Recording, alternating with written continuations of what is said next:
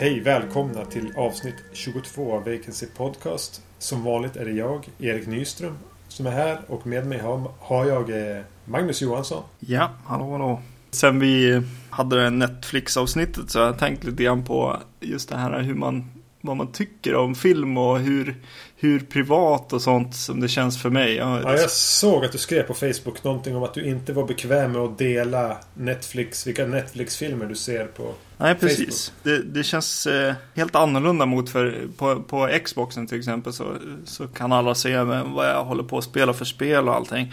Och eh, jag vet inte hur det är på liksom sådana här musikgrejer också. Det skulle jag nog inte heller ha problem att dela på. Men, men just på Netflix som, som verkligen tjatar på att jag ska eh, aktivera Facebook liksom länk. Så kände jag att det blev väldigt, väldigt underligt faktiskt. Vad är det du ja. ser för några filmer inte? Nej men precis, men det är väl just det där att det är ens, ens riktiga så här djupa intresse på något vis. Så att det känns väldigt mycket, väldigt personligt vad man sitter och ser på. Även, men ja, oftast sådana här grejer som är så här äh, slötitta eller liksom så här guilty pleasures eh, med Ja men bara, bara sitta och se något med frugan eller så också. Men varför ska jag dela den, vad vi ser tillsammans på något sätt. Ja, det, det är väl... Du har inga problem att eh, däremot att prata om vad du ser för filmer i en podcast som du delar på Facebook? Nej, precis. Nej, Nej det går alldeles utmärkt. Mm. Eh, och så gick jag och funderade mer och mer på just det här relationen till film och så. Och jag tänkte på, eh, jag, jag gick och lyssnade på en Pantera-skiva. Och så kom eh, en cover på Planet Caravan. Vänta ett tag. Pantera? Ja, jag vet.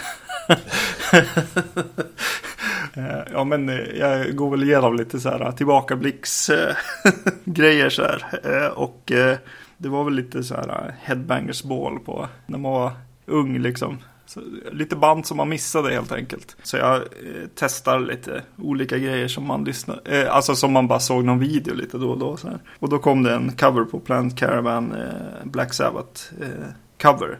Som kändes väldigt så här, platt och tam. Den var väldigt så här, lik originalet fast liksom Planet ja. Caravan är Black Sabbath-låten som är mer väldigt långt från vad de vanligtvis brukar göra va? Det är mer en jazzig knarkar eh, meditation. Va? Ja, precis. Och då började jag tänka på, på skillnaden mellan liksom hur man upplever en, en eh, musikcover och en remake på en film. Eh, och hur irriterad jag kunde bli eller och ibland fortfarande blir av att det ens görs en, eh, en, en remake på en film eller som, som eh, senast Straw Dogs blev fick jag igång liksom så här bara, nej de kan inte göra en remake på den liksom. Men en cover är alltid liksom Ja, nej, den, den, det stör ofta inte mig liksom. Du är mer förlåtande mot en cover än mot en remake? Ja, precis. jag väl... börjar fundera på varför. Liksom. Det kan jag väl säga att jag också är. Ja. äh, men tror inte det har att göra med att eh, om, om Pantera gör en cover på, på en Black Sabbath-låt så är det för att det är en låt de som är, betyder någonting för dem. För att de gillar den eller för att de vill liksom hylla Black Sabbath med att göra den. Mm. Medan om någon eh, tomte gör en remake på Straw Dogs så är det för att de tänker att det är en inarbetad titel. Mm. Och eh, en, någonting att tjäna snabba pengar på. Ja precis, det är lite det jag har kommit fram till också. Att det är liksom covers ofta är att man, man gör en hyllning till någonting man älskar. Även om man liksom eller egentligen bara lys, lyser en, belyser låten på något vis. Och det finns också en, en inarbetat sätt, känner jag i alla fall, där den som har skrivit låten i alla fall får någonting ut av att, att det görs covers också. Både i eh, att folk får upp eh, ögonen för, eller öronen för den här eh, låten och eh, även då rent ekonomiskt så kommer det ju pengar om, om en cover spelas liksom. Medans eh, remakes ja, där känns det inte alls som det är den här hyllningen eller, eller så utan det är mycket oftare en ekonomiska anledningar varför, man gör en sån. Jag försökte hitta något undantag så här som jag kände. Jo men här, här finns det nog den cover-aspekten och det är vad det, John Carpenters The Thing. Börjar jag tänka på. Att eh, John Carpenter har ju ofta, eller hyllar ofta ha Howard Hawks.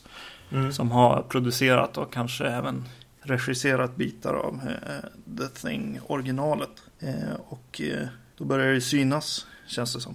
Finns det alternativ på motsatsen då? Alltså en cover som bara är Jo, det gör det. Vi behöver inte ens gå in på det. Nej, eh, precis. jag kan tänka mig att det finns åtminstone en på varje skiva som någon av den senaste Idol-vinnaren släpper. Ja, precis. När en regissör gör en, en eh, remake på en film så finns det väl ändå vissa fall där de har verkligen försökt sätta sin stämpel på det och göra det här till min film. Min hyllning till det. Göra det till någonting eget. Då tänker jag på eh, det första som dök upp i huvudet nu var när Rob Zombie skulle göra Halloween. Mm. På något sätt är ju det gjort som en hyllning. Och eh, Rob Zombie har försökt göra sin eh, variant av, eh, av Halloween. Mm. Men det blev ju inte bra heller. Ja, precis. Samtidigt så har jag en känsla av att de filmerna är ganska nergrottade av en massa dåligt självförtroende från Rob Zombies sida och en, en tveksamhet till vad han egentligen skulle göra. Plus det faktum att han inte är speciellt duktig. Sen är ju en låt överfortare också. Ja, precis. Det är någonting som, som, som glider förbi på ett helt annat sätt än en film. Mm. Ja, men eh, vi kanske ska prata om lite film också. Mm. Det här var väl en film som det pratades om att det skulle... Att Michael Bay faktiskt var i farten att eh, göra en remake på här för, för jag vet inte om det var 5-10 år sedan. Men vi mhm. slapp det. Vi slapp det. Hur som helst. För er som inte lyssnade sist så är det alltså en, en, en riktigt tungviktare egentligen. Det är alltså Roman Polanskis Rosemary's Baby som vi är först ut med ikväll. Mm. Eh, ska vi direkt kanske berätta vilken som är den andra filmen som är temat vi har skapat här? Ja, det kan vi göra. Och den är en eh, tv-uppföljare som gjordes eh, Eh, massa år efter, eller på att säga. Som hette eh, Look What's Happened to Rosemary's Baby. Och Rosemary's Baby är från 68 och eh, den här Look What's Happened to Rosemary's Baby är från 76. Men vi kommer naturligtvis att börja med Roman Polanskis klassiker. Och som vi berättade i förra avsnittet för er som inte lyssnade på det så var en av anledningarna till att vi gör det här avsnittet just nu att Criterion har släppt en nyutgåva av Rosemary's Baby på Blu-ray. Som släpp, kommer i slutet av oktober. Ja, värt att nämna är väl kanske att det är en region 1 skiva. Eh, Criterion gör alltid bara USA-utgåvor just nu i alla fall. På DVD-tiden, när de, ja de släpper ju fortfarande på DVD. Men då fanns det att en del titlar kunde vara region 0. Men av vad jag förmodar är rättighetsskäl så är alla Blu-rays region A heter det väl? Ja, A, ja just det. Mm. Men hur som helst, vi är tillbaks i New York. ja. Eh, jo, Rosemary's Baby handlar ju om eh, eh, Rosemary och hennes man som flyttar in i en lägenhet i eh, New York. Eh, hennes man håller på att skapa en skådespelarkarriär och jobbar väl ja, upp sig mot eh, Broadway och, och de eh, flyttar in där för att eh, egentligen stödja hans karriär lite grann och för att ska, starta familj när de flyttar in så börjar de bli vän med ett äldre par, ett, ett grann, en grannfamilj som, ja, vad ska jag säga mer om filmen? Erik, vad händer sen? de blir kompisar med det här grannparet och eh, i samma veva som Rosemary blir gravid så börjar hon ana att någonting inte riktigt stod rätt till. Hon börjar bli mer och mer paranoid. Vilka är de här grannarna egentligen? Kan hon verkligen lita på någon? Och i sam samma takt blir hon allt sämre och sämre. Hon blir väldigt sjuk i samband med sin graviditet. Och eh, mer så tror jag inte vi ska säga om Rosemary's Baby för er som inte sett den. Den här filmen öppnar ju otroligt häftigt tycker jag. Det är ju definitivt en skräckfilm. När man, man vet ju vad man ska in i på något vis. När man eh, går till biosalongen. Men eh, Roman Polanski och gänget här, de eh, skiter lite i det. De kör rosa förtexter med jättefina så här, slingrande texter. Som om det vore en romantisk komedi eller just någonting om att bli förälder och, och babylycka här. Medan de visar bilder på, på New York. Eh, jag tycker det är väldigt vågat och humoristiskt. Mm. Och väldigt självmedvetet. Det är ju det här eh, det var väldigt länge sedan jag såg Rosemary's Baby sist. Jag har sett den några gånger förr men det kan... Nu drar jag till med tio år sedan. Som jag känns som att jag alltid gör. Men någonting sånt. Eh, och det, det jag tog, fångade upp den här gången när jag såg den var ju verkligen att den är lite, lite försiktigt eh, tongue in cheek. Mm. Den är väldigt självmedveten om att den är en skräckfilm. Absolut. Det, man man eh, får väldigt stora Hitchcock-vibbar på just det där att, att eh, Eh, den är väldigt eh, roligt skriven och, eh, och, och fyndig dialog hela tiden som bygger mot filmens kärna. Om man, om man har sett den några gånger så börjar man, börjar man känna att jaha okej, vilken kul liksom, liten line där som, som dök upp liksom, väldigt mycket från början också. Kul att du säger Hitchcock-vibbar nästan det första du gör för det är min andra eh, anteckning på den här filmen är Hitchcock-vibbar. Och mm. Det jag tänkte på då var just fotot. Eh, när Hitchcock väl gick över till att börja använda färg, kanske sen framförallt under, under 60-talet, The Birds och liknande. Så har många av hans filmer just den här looken.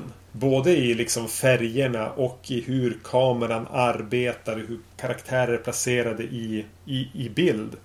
Och, ljussättning och allting. Så jag, jag var tvungen att att kolla upp vem det var som hade fotat den här. Nu var det inget namn som slog mig direkt så. Det var inte heller någon som hade jobbat med Hitchcock. Men jag, men jag tänkte väldigt mycket på Hitchcock.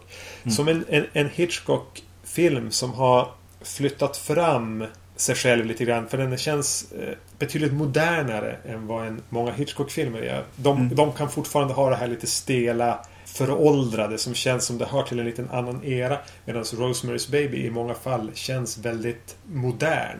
Mm. Ja, precis. Han är ju mycket mer vågad eh, också eh, här. Det är mycket mer, ja vad ska man säga, naket och... Och, eh, och marijuana. Ja, precis. precis. Fritänkt. Eh, precis. Jag gillar verkligen att eh, i början av filmen att, att det är så mycket som är dolt. Att hela filmen handlar om, om att det hela tiden är någonting som inte står rätt till och de startar det väldigt mycket. Redan när de visas, när lägenheten visas för dem så, så är det möbler som är, inte står på rätt plats och dörrar som är, är, är, är dolda bakom byråer och, mm. och sånt. Det känns som att eh, den bygger upp väldigt väl vad vi, eh, hur vi ska börja tänka och se på den här filmen. Det här var ju Roman Polanskis första film han gjorde i Hollywood om jag inte är helt ute och cyklar.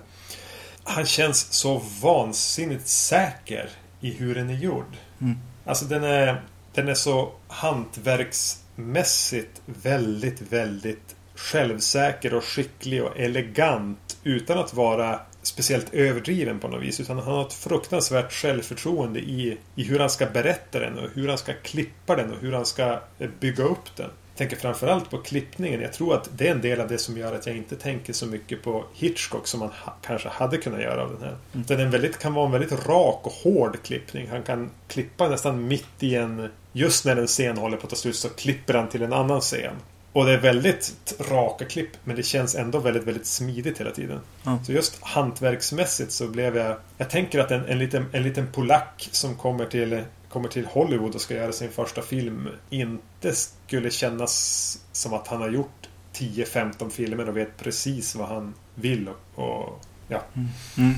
Hon... Eh, ja, Rosemary, hon träffar en, eh, en annan ung kvinna nere i, i tvättstugan som hon börjar vara med och eh, prata med. Och den här kvinnan bor med det här äldre paret som de senare blir bekanta med eller vänner med.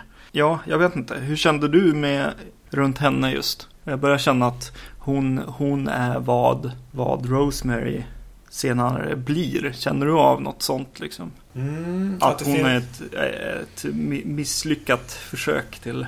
Till Rosemary. Ja. Ja, ja, så tolkar jag också henne i och med ett, ett, ett, ett halssmycke som, som återkommer. Och, Ja, det är lite spännande faktiskt. Jag, jag gillar de där grejerna. Att de, de hela tiden sår lite mysterier och så. Även, ja, som sagt, där från början. Och, eh, och i det fallet inte riktigt så här säger vid något tillfälle. Det är aldrig någon, någon som bara Åh, så här är det. Utan, utan det får, får berättas med, ja som du säger, halsmycket eller, eller saker som, eh, ja, det är lite snyggare helt enkelt. Mm. än, än vad man kanske förväntar sig på något sätt av. Det är väl just det som kanske får, får den att kännas så modern. Att den ändå är från 1968. Eller modern, den känns åtminstone före 1968. Den känns mer som att den skulle kunna höra till en 70-talsfilm. Mm. I just det här, de håller lite subtilt. De Polanski bryr sig kanske inte om det är så att man skulle missa vissa grejer som tittare. Nej. Samtidigt om man jämför med en modern film som skulle vara skriva en på näsan väldigt ofta. Så, så, så slänger den här ut lite små, små frön och, och, och sen får man sortera själv eller uppfatta dem om man, om man gör det. Det gör ingenting om man inte gör det. Ja, precis. Och eh, det skapar ju också någon slags eh, ja, nu pratar vi eh, spelutvecklare så vi säger replayability men eh, att, vi, att man kan se den igen helt enkelt. Ett eh, högt värde vid en andra titt. Ja, precis. vilket är bra. För en sån här film som ändå är lite baserad på någon slags som bygger upp till någonting mot slutet helt enkelt. Nu vet jag inte om det var det att det är Mia Farrow som spelar huvudrollen eller att den utspelas i en lägenhet på Manhattan. Men jag hade även svårt att inte tänka på Woody Allen. Som jag minns det så är, är du inget jättestort fan av Woody Allen. Ja. Eh, men ja, eh, just det här småpratandet med och, och, särskilt det här äldre paret som kommer in och pratar och pratar och pratar och, och eh, lite, lite dyrare lägenheter på, på Manhattan och och just det faktum att det är Mia Farrow. Eh, var det svårt att inte tänka Woody Allen. Men Woody Allen hade ju inte skapat en karriär som var han för en tio år senare. Mm. Sen är det intressant att eh, eh, maken här, Guy, eh, Rosemarys make, spelas av John Cassavetes. Som var regissör själv. Och mm. eh, under 60-talet just hade etablerat sin karriär som en slags eh, den nya unga improvi improvisationsfilm med, med dialogdriven, nästan lite dogmakänsla på, på filmerna. Dök upp här som, som skådis. Och mm. spelar skådis. Ja, jag tycker att den här filmen är väldigt så här skådespelar... Den har lite problem med skådespelare helt enkelt. Jag vet inte om det är manusförfattaren eller någonting. Eh, de är väldigt självupptagna verkar det som. Ja, det är kul att du säger. För de drar verkligen. De kör, alla kör sitt eget race lite grann. Mm. Ja, vi behöver inte säga så mycket mer än det. Men Ruth Gordon som spelar grannfrun, den här äldre kvinnan som det blir. Hon vann för övrigt en Oscar för den här. Mm. Hon är ju väldigt Hon är ju väldigt rolig att titta på. Och skrikiga blusar och prata mycket och prata högt och tjata på. Och sen eh, spelar eh, Mia Farrow som Rosemary sin väldigt lite mer tillbakahållna spröda försiktiga tolkning. Och sen har vi ja, John Cassavetes då som prövar lite av varje i, va i varje scen känns det som. Ja, han blir ju ett riktigt jävla svin där. Man tycker verkligen illa om honom. Mm. eh, nej, det finns en riktigt jobbig dröm, drömsekvens i den här. Som är riktigt obehaglig. Jag tänkte, tänkte fråga dig just nu så här, har vi pratat om det här, men blir man rädd av Rosemary's Baby? Ja, det, det vet jag inte riktigt om. Men eh, det finns väl en krypande liksom sak eh, hela tiden där bakom. Och så sen finns det ju att man blir arg och upprörd eh, kan jag tycka. Av karaktärer och eh, händelser och skeenden och sånt. Och paranoian är ju väldigt stor del av den här filmen också. Den är väl kanske snarare involverande än skrämmande. Ja, precis. Men, men du var just inne på den här mardrömssekvensen. Ja. Så har jag, nu ska jag inte eh, avslöja det, men Rosemary har en replik i den. Som verkligen är mm. otroligt obehaglig, tycker jag. Den slår an någon sträng hos mig som är riktigt, riktigt läskig. Mm. Och när, när den levereras allt. Eh, sammanhanget. Men, eh, ja. Och scenen sen då, efter den här, när hon vaknar upp, är ju bara, ja fy fan alltså. Vilken jävla jobbig scen alltså. Mm. Ja, shit. Jag tycker att Mia Farrow, när hon blir eh, sjukare och sjukare och allt det där. Jag tycker hon funkar väldigt, väldigt bra i den här filmen ändå. Som en slags naiv, naiv ung kvinna som, som ändå liksom kämpar på verkligen. Hon blir väldigt ja. lätt att sympatisera med. Ja. Hon klipper, hon klipper håret mitt i filmen. Det är också en sån grej. Hon gör ju en ganska radikal frisyrförändring. Hon går från en slags page till en snagg nästan. Mm. Och alla som hon träffar på bara säger Men vad har du gjort? Det ser ju hemskt ut. Mm. det tycker jag är jättejobbigt. Jo, det är, ja, ja, det är mycket män i den här filmen som har väldigt mycket över, överläge. Och när hon gör saker för att bekräfta sig själv så får hon bara, ja, blir hon bara, som sagt, bara, vad har du gjort? Varför har du klippt håret? Eller, ja. Allting är ditt fel liksom. Ja, precis. Hela tiden. Du gör fel. På tal om Mia Farrows skådespeleri. Utan att spoila någonting i slutet, men nästan den absolut sista scenen i filmen. Så säljer hon verkligen in hela slutet med sitt skådespeleri för mig. För det är en, en, en scen där man ser hennes ansikte från sidan och hennes skådespeleri i samband med liksom de känslor man förstår att hon då till slut innan eftertexterna börjar rulla känner mm. är väldigt, väldigt rörande. Jag tyckte det var ett väldigt, väldigt fint slut. Nästan, nästan tårframkallande slut. Mm. Och det är mycket tack vare hennes skådespeleri. Jag blev lite överraskad att jag skulle få den reaktionen på det faktiskt. Ja. Den är ju så jäkla bra, alltså tekniskt gjord också. Jag, jag kommer ju att tänka på, alltså även med de här dialogen som börjar bygga upp saker och sånt och, och eh, vissa teman och sånt där som man ser.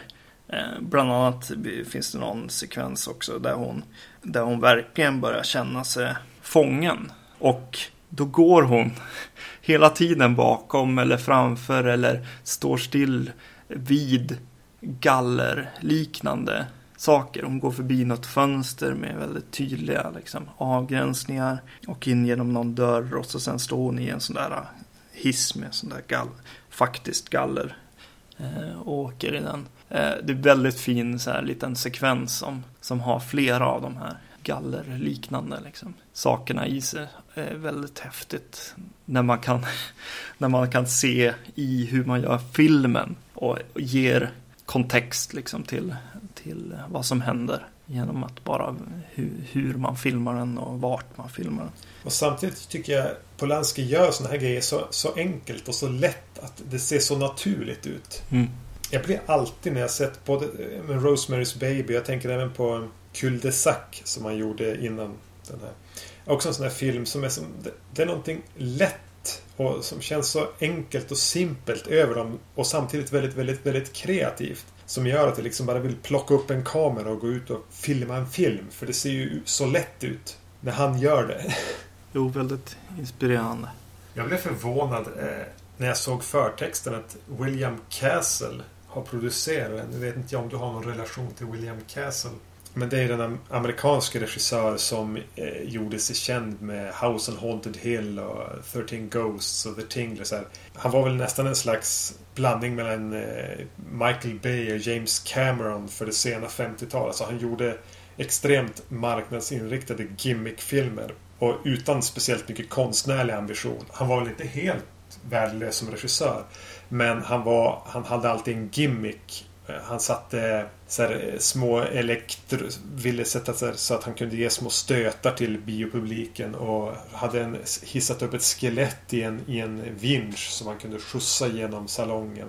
Sådana här eh, gimmickar. Mm. Att han hade producerat den kändes ju... För det här är ju ingen gimmickfilm direkt. Eh, och det var också någonting som jag inte hade uppmärksammat tidigare. Att han mm. på något sätt har stoppat in pengar i den här. Mm. Det är lite intressant att man inte har sett den här. Alltså jag, jag har sett den några gånger tidigare och den här gången kändes det som ett, en helt främmande film på något sätt. Eh, visst, jag visste vad som skulle hända men jag, jag var inte alls beredd på den här. Ja, men om jag eh, bland ska kalla det för Hitchcock liksom känslan som, som dök upp tidigt. Och just den här grejen med att den är så eh, har så mycket glimt i ögat och vet, vet vad den är hela tiden och sånt. Det kom faktiskt som, ja, det blev faktiskt förvånande för mig. Alltså jag, å, återigen, vi är väldigt ofta väldigt överens om filmer. Mm. När vi ser på den här podden. Men jag kände lite samma sak. Att jag såg på den. Det kändes lite grann som att det här var första gången jag verkligen såg Rosemary's Baby. Mm. Som att jag kunde ta till mig av dem. Men just eh, de sakerna du nämnde. De här lite glimten i ögat. Eh, och hantverksskickligheten. Och eh, ja, den skickliga film det ändå är. Det är ju en riktigt, riktigt bra utgåva de har presenterat. Jag har inte hunnit titta på något extra material. Men bild, bara bildkvaliteten var ju otroligt bra tyckte jag. Absolut. Jag, jag har inte tittat på det heller. Så. Men, men ja, som du säger. Det är väldigt fin. Fint att titta på de här i högupplöst. Ja, den här var verkligen som gjord för det, mm. kände jag. Något som inte var så högupplöst. Den mindre högupplösta uppföljaren. oh. uh, look what's happened to Rosemary's Baby. Uh, och det vi, vi väl kan säga direkt här att uh, vad jag vet, eller vad vi vet, så finns inte den här att tillgå på, på DVD. Eller Blu-ray för den delen. Ja, den finns att se på Youtube. Och det är ju en TV-film från 1976. Mm. Så det är ju inte så att den som har lagt upp det på Youtube har lagt ner månader på att restaurera bilden. Nu gick det nästan en vecka mellan det att jag såg filmerna men jag vet inte hur det var för dig. Ja, ja det var väl några dagar men ja, jo, det var lite annorlunda. Frapperande skillnad i bildkvalitet. Hur som helst, Look What's Happened to Rosemary's Baby tar vid sju år ungefär, sju, åtta år efter eh, första filmen. Eh, Rosemary har eh, hand om sin son det vi kan säga nu är väl att har man inte sett Rosemary's Baby och vill se den eh, utan att få den spoilad så kan man sluta lyssna nu för det kommer att vara svårt att inte berätta en hel del av vad som händer i Rosemary's Baby när vi pratar om Look What's Happened to Rosemary's Baby. Mm. Så har ni inte sett Rosemary's Baby, sluta lyssna nu. Så då kan jag fortsätta. Ja. Eh, ja. Den tar vid eh, 7-8 år efter eh, handlingarna i, i första filmen. Rosemary har levt under i, i princip i fångenskap av den här sekten som eh, grannarna visade sig tillhöra. Hon rymmer från sekten med sin son bara för att kort därefter försvinna i en buss arrangerat av eh, Satans krafter. Eh, vi hoppar framåt i tiden där eh, Adrian, som han heter, Andrew eller Adrian, han har kallas vid två namn har vuxit upp tillsammans med en eh, prostituerad som tog hand om honom efter att hans mamma försvann. Och han är nu väldigt, väldigt rik, framgångsrik. Eh, han är musiker. Men och eh, i kulisserna lurar hela tiden sekten av satanister som ser honom som antikrist. Och de har sin agenda. Och han är någonstans lite... Ja, det är fantastiskt bra. Jag kan inte hålla mig när du berättar om den här filmen. Åh oh, shit. Ja, spännande handling. Åh oh, shit. Medan han vill leka sitt rockstjärneliv och köra sportbilar. Någonstans yes. där eh, kan vi släppa och berätta vad den handlar om. Ja, oh, shit. Och du brast ut i ett, ett, ett spontant eh, gapflabb. Ja, jag satt och höll för munnen tills det inte gick längre. Vilken rolig handling. Uh, jo, den här filmen är ju väldigt mycket, alltså min känsla är direkt att så här, jag ser på fanfiction. Att jag ser att någon, att Rosemary's Baby slutar med att alla som har sett den funderar på vad kommer att hända sen. Och skapar sig en egen liksom, bild av hur det här kommer att sluta. Den lämnas väldigt öppen men ändå avslutad på ett fantastiskt vis. Mm. Men den här filmen, ja nu sitter jag och ser på en persons syn på vad som hände sen. Och eh, den här personen är ganska... Har tagit droppa syra eller? Ja, lite, lite så. Alltså jag, jag tänker att, att du bara säger att det är en person. För jag fick lite så här vibbar av någon. Du vet när man gick mellanstadiet så, så, skrev man en historia. Början på en historia, kanske på ett halvt A4 för hand. Och så lät man sista raden vara kvar. Sen vek man pappret. Och så fick någon annan fortsätta, bara läsandes den raden. I vissa fall fick jag känslan antingen av det eller att de bara har, har liksom hittat på medan de spelar in. Mm.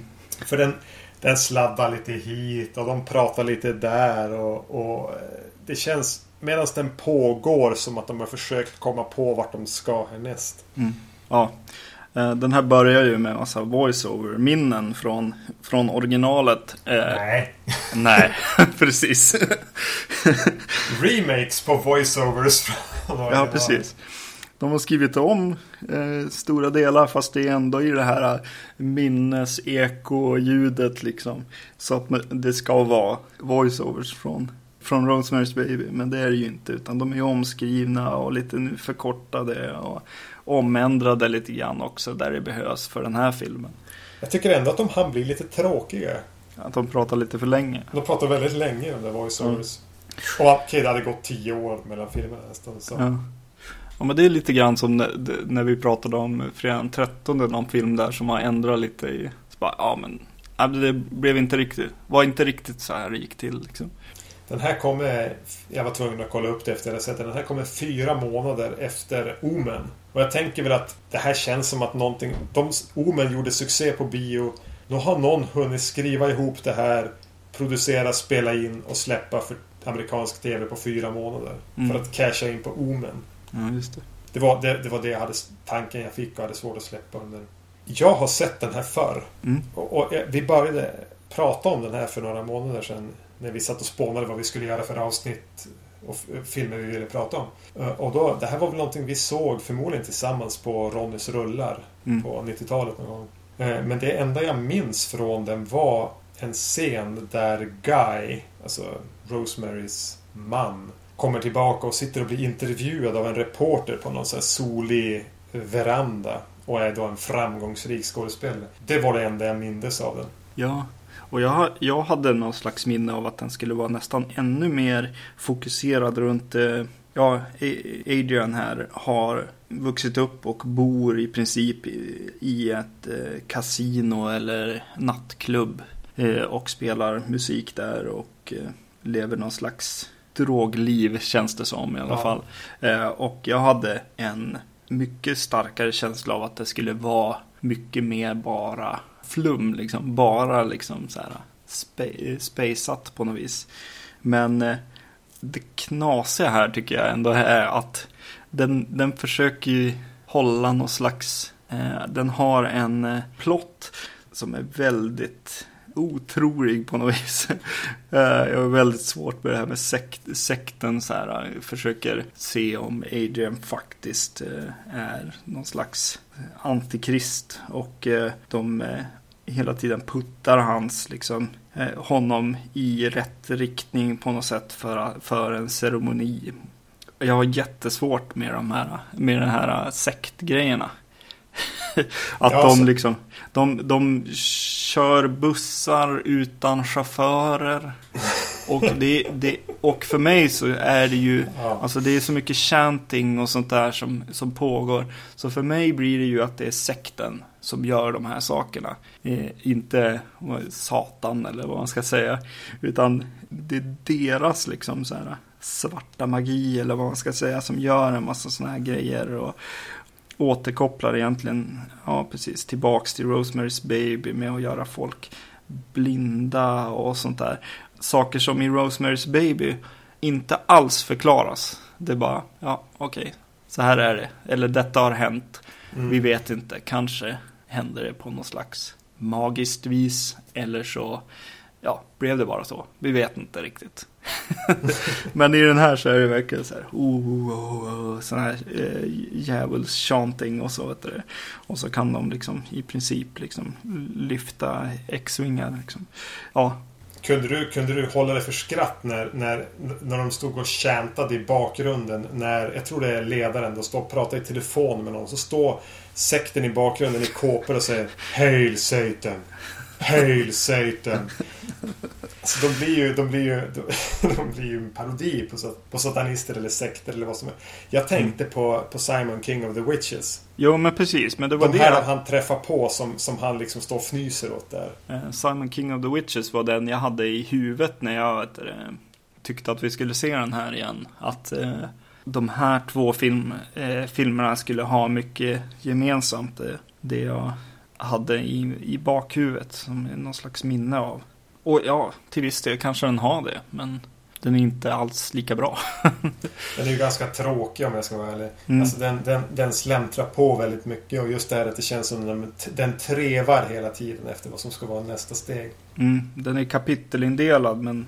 Av någon anledning. Men det känns som att ja, varje kapitel blir ändå liksom för långt. Eller vad man ska säga. Ja, de byter ut, de byter ut eh, kvinnan vid, vid Adrians eller Andrews sida hela tiden. I första kapitlet så har han mamma med sig. Andra kapitlet så är det en slags surrogatmamma. Och i tredje så dyker det upp en, en, en sjuksköterska. De ser likadana ut ungefär. De är ingenting. Alltså, de fyller samma funktion. De står bara bredvid hans sida på något vis. Mm. Och vill han, vill han väl. Eh, kanske ska nämna också att eh, samtliga skådespelare är utbytta från första filmen utom just Ruth Gordon som spelar Herregud, jag tappar namnet på hon. Men eh, den kvinnliga grannen. Mm. Eh, som här, som i slutet av, av Rosemary's Baby här då är en del av sekten. Mm. De har ersatt hennes man, som heter Roman, som Roman Polanski, med Ray Milland, som ju har gjort, varit med i Hitchcock-filmer och en del skräckfilmer. Mm. Som funkar som en slags ersättare, även om han är väldigt, väldigt trött och less här och bara är här för lönechecken. Men jag kunde inte låta bli att räkna efter på hur gammal den mannen är i den här filmen. För de säger rakt ut i, i Rosemary's Baby att han är 79 år, år gammal då. Ja, just det. Sen hoppar fi filmen tills det att Adrian är 7-8 år. Så då är han alltså 86, 87. Ja.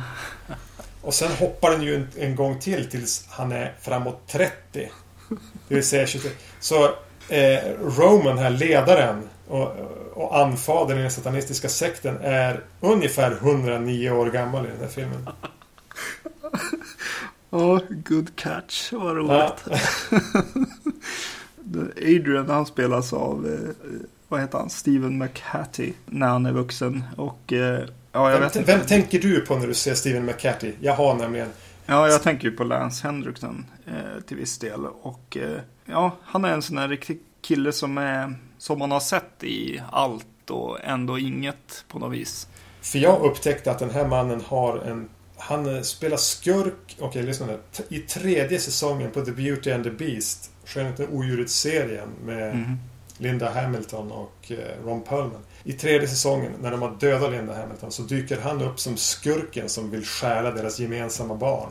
Mm. Och jag minns han väldigt tydligt. Hans, han har en här anknäbbsmun lite grann. Han har en liten spetsig, utstickande överläpp. Att hans ansikte på något vis fastnade hos mig när jag var tio.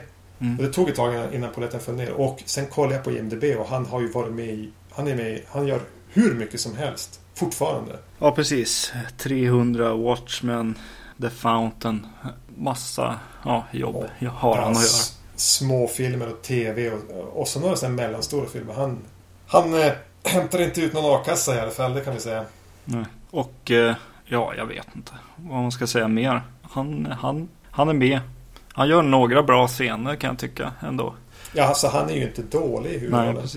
Centrala scenen i filmen är ju ändå ett slags... De har försökt via någon ritual ta reda på om, om Adrian är redo att, att liksom bli antikrist. Jag förstod inte riktigt vad de ville.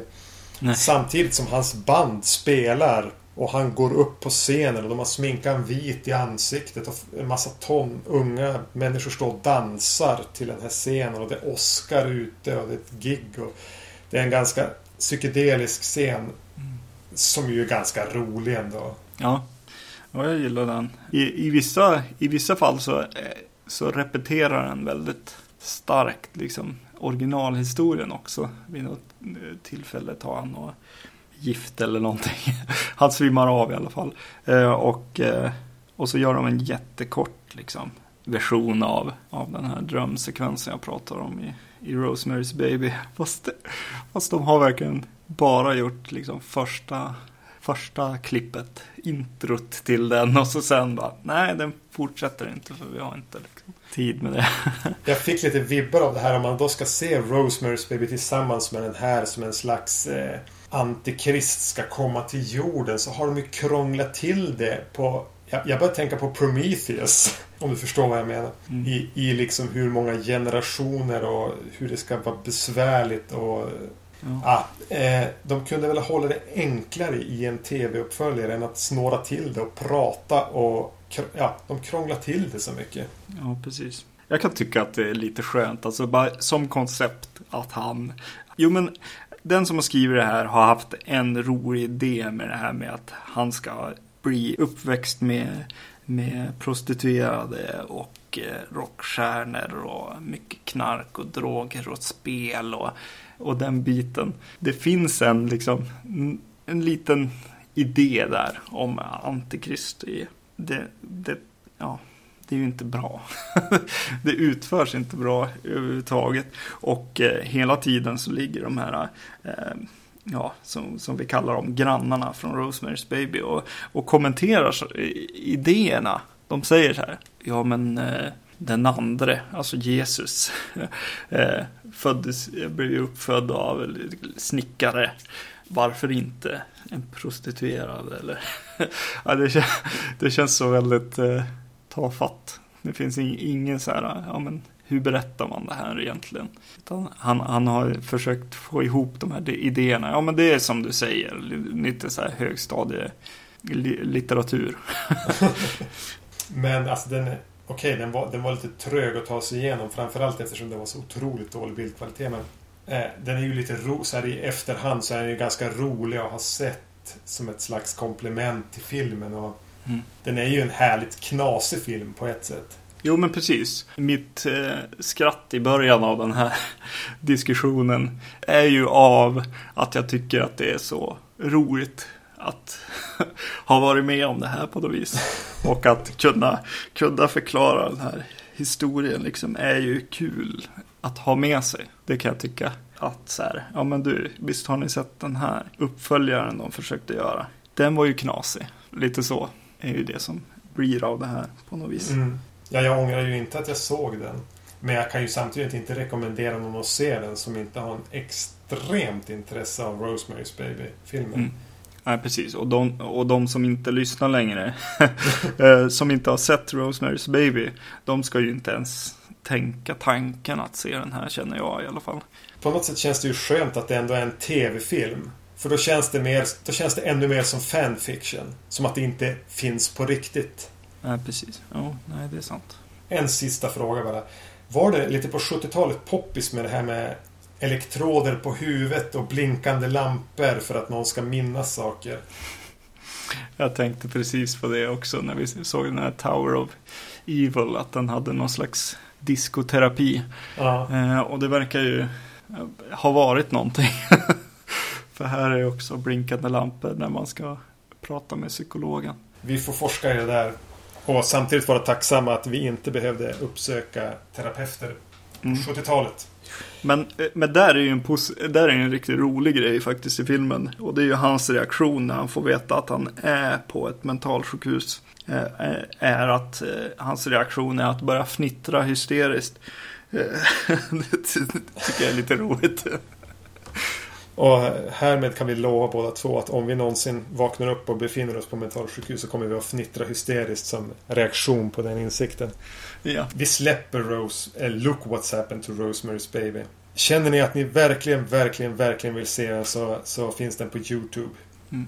Innan vi avslutar avsnittet måste jag ju även passa på att, att säga att jag har, jag har varit eh, otrogen.